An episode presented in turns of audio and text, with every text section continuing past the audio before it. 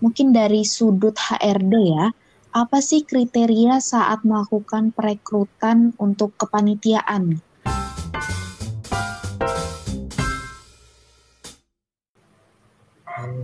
Hai Petra Nation, kembali lagi di Popcorn Petra Podcast Corner. Nah, pasti asing ya sama suaraku. Begitu kita kenalan yuk.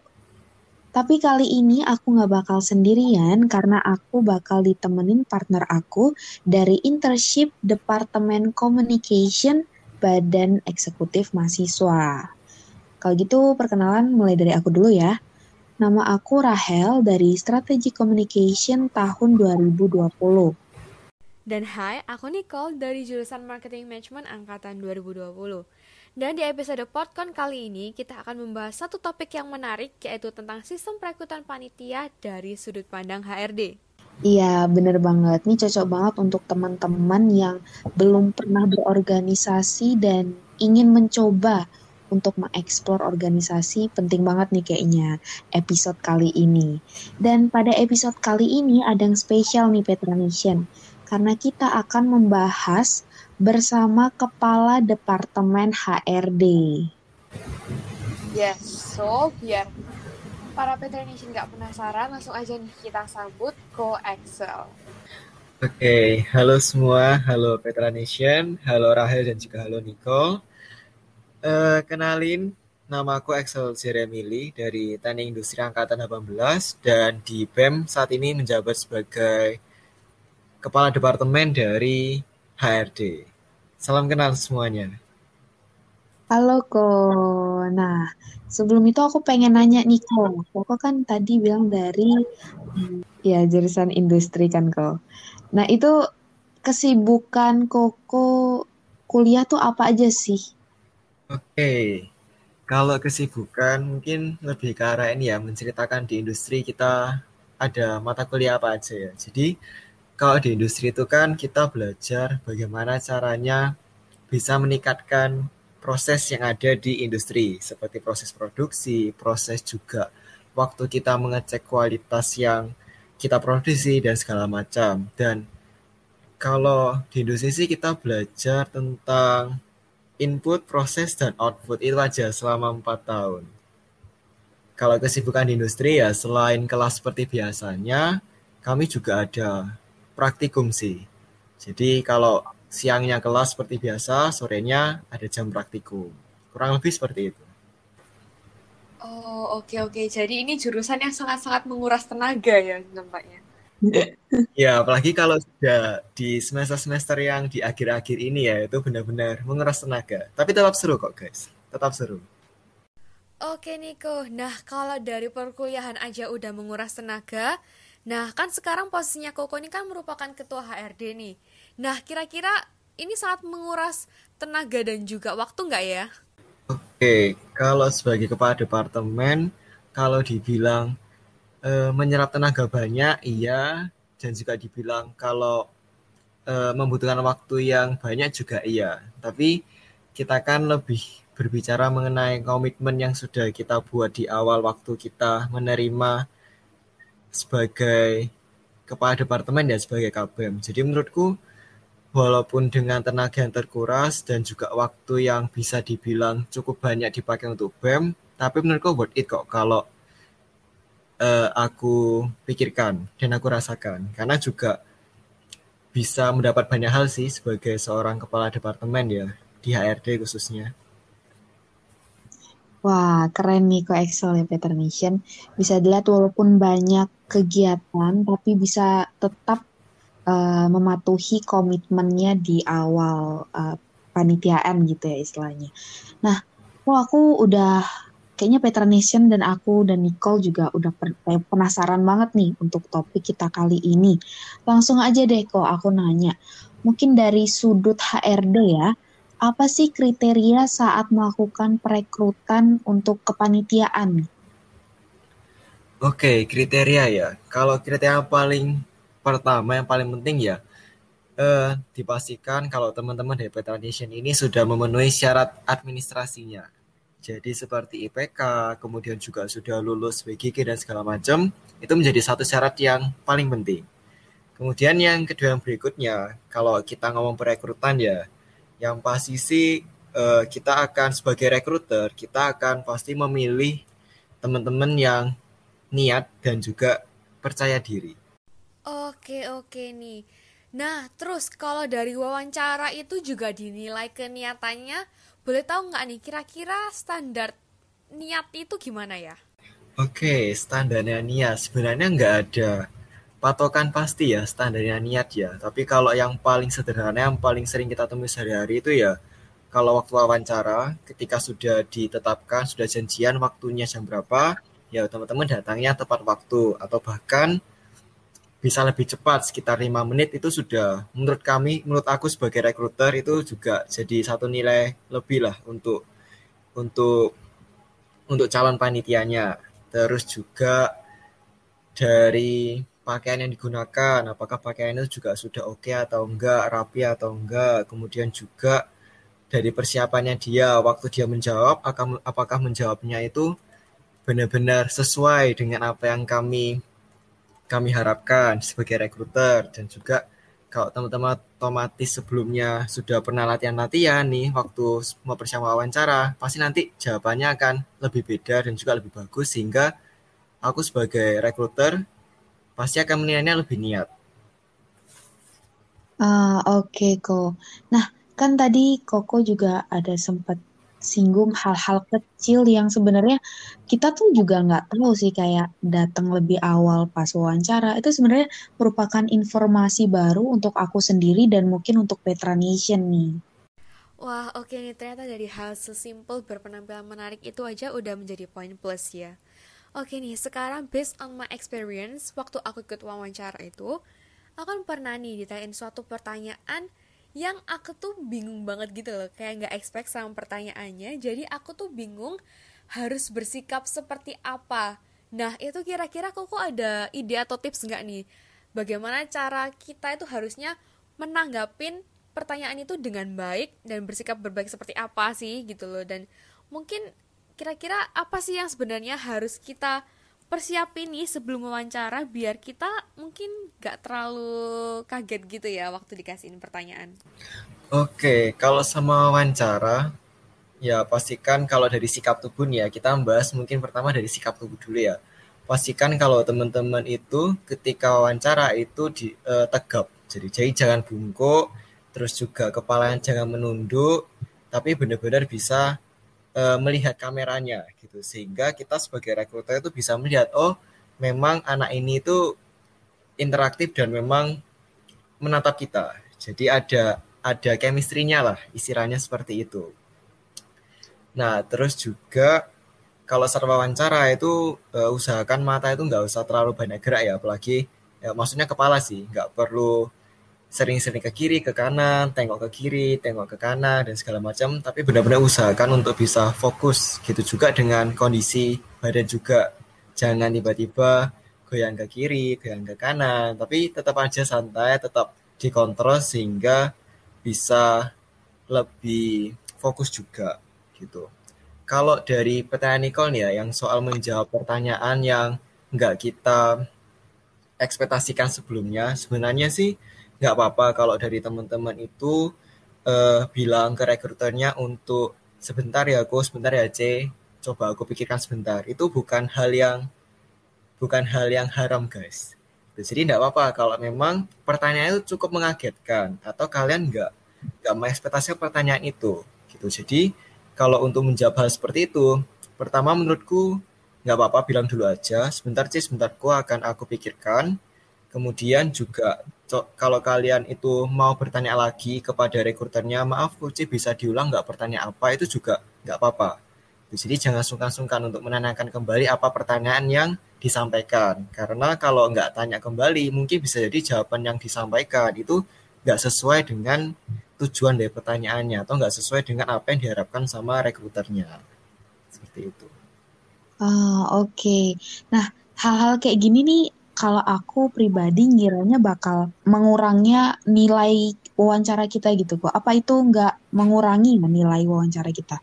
Uh, sebenarnya kalau dari ya selama pengalamanku ya aku ndak tidak terlalu tidak terlalu meniti beratkan penilaian itu ke seberapa lama teman-teman menjawab. Kenapa? Karena otomatis juga untuk pertanyaan-pertanyaan yang sifatnya seperti study case atau mungkin pertanyaan-pertanyaan sifatnya itu benar-benar uh, deep talk ya, menggali dalam dan memang membutuhkan waktu untuk mencerna menurutku nggak masalah. Karena pertanyaan-pertanyaan seperti itu yang lebih ditekankan penilaiannya adalah pada jawabannya apa dan juga cara menjawabnya bagaimana. Cuma ya kalau semisal memang mau memikirkan jawaban dari pertanyaannya, ya jangan terlalu lama juga gitu kan. Karena nanti kami juga nangkapnya apa mungkin pertanyaan kurang jelas atau mungkin penangkapannya yang kurang gitu. Jadi diusahakan sajalah untuk me menggunakan waktu yang yang tidak terlalu lama. Oke. Nah, mungkin uh, ada dari Petra Nation juga yang sebenarnya dia itu udah tahu materinya dan udah paham, mengerti betul acaranya sebelum wawancara, tapi karena merasa gugup, jadinya malah nggak bisa jawab gitu kok. Nah, mungkin dari Kokonya ada tips and trick mungkin. Gimana sih biar kita tuh di keadaan genting tuh tetap tenang gitu. Oke, ya itu kelihatannya juga sedih polemik ya di teman-teman yang mendaftar panitia sudah siap eh waktu di wawancara gugup grogi sehingga mungkin penilaiannya tidak sebagus yang diharapkan. Nah, sebenarnya tips untuk bisa menghadapi seperti itu hanya satu nih teman-teman ya. Latihan. Jadi semakin sering kalian untuk ikut wawancara, semakin sering kalian latihan wawancara, entah itu latihannya di wawancara yang beneran, atau mungkin juga latihannya itu seperti uh, di depan cermin dan segala macam, itu lama-lama akan memoles dan juga mem, uh, mengasah kita untuk bisa lebih siap dan juga lebih hmm, bagus lagi di dalam menjawab pertanyaannya. Jadi jawabannya ya latihan atau mungkin kalau saya latihan ya teman-teman juga bisa nih kayak seperti cari-cari tips dan triknya di YouTube atau mungkin di Instagram atau TikTok. Nah, eh, sumber-sumber seperti itu tentunya juga akan membantu teman-teman dalam mempersiapkan. Karena itu juga menurutku adalah satu bagian dari latihan itu sendiri. Oh, oke okay, oke, okay. menarik nih banyak-banyak latihan di depan kaca. Oke okay, oke, ini bisa aku langsung terapin ah lain kali. kalau gini kan dari kating-kating itu ada yang pernah bilang gini sih. Kan kepanitiaan kalau udah dari naungan BEM itu ya itu biasanya nih cuma nerima internal BEM sama teman-teman deketnya aja.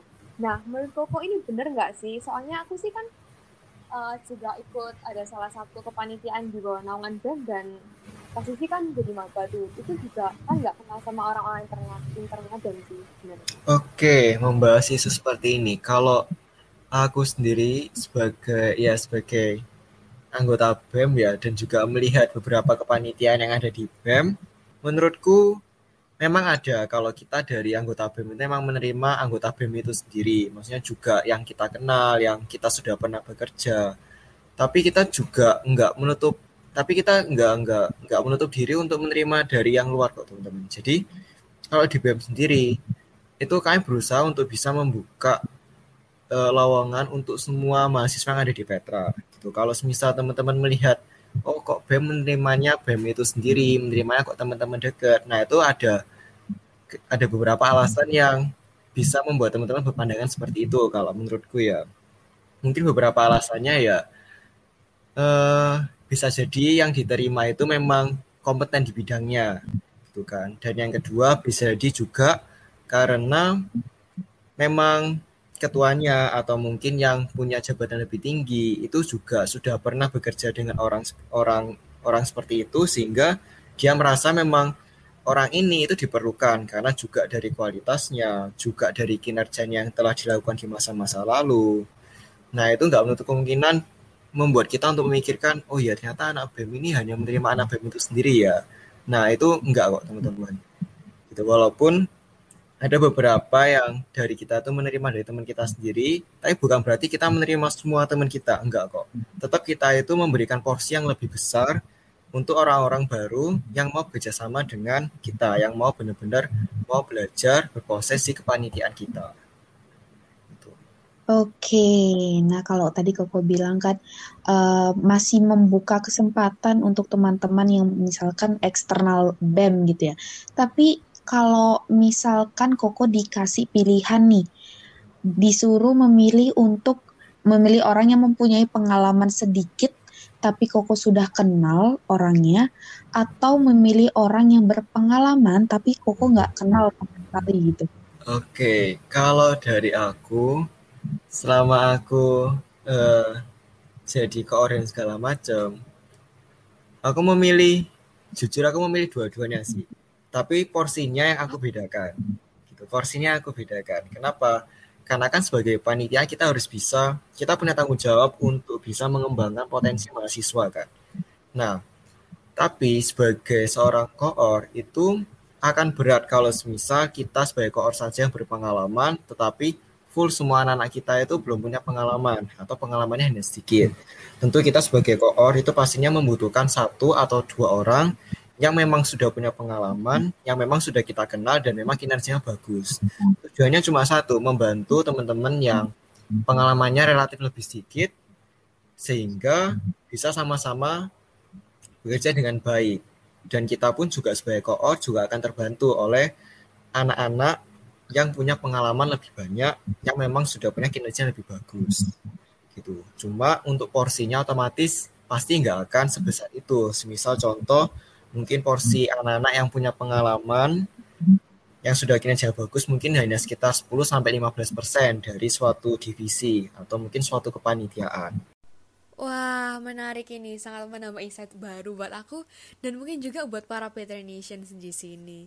Dan sekarang aku jadi kepo nih. Koko pernah nggak sih dihadapin suatu pengalaman yang Koko nih harus milih nih antara maba atau mungkin kating-kating yang memiliki SKKK yang belum lengkap. Nah, kira-kira Koko ini akan lebih memilih atau memprioritaskan yang mana duluan nih?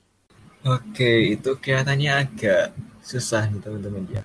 Kalau memilih antara angkatan atas atau maba, nah itu kalau dari aku sepertinya juga dilihat dari konteks kegiatannya ya. Kegiatannya itu apakah kepanitiaan biasa atau mungkin kegiatannya itu khusus seperti pengabdian masyarakat.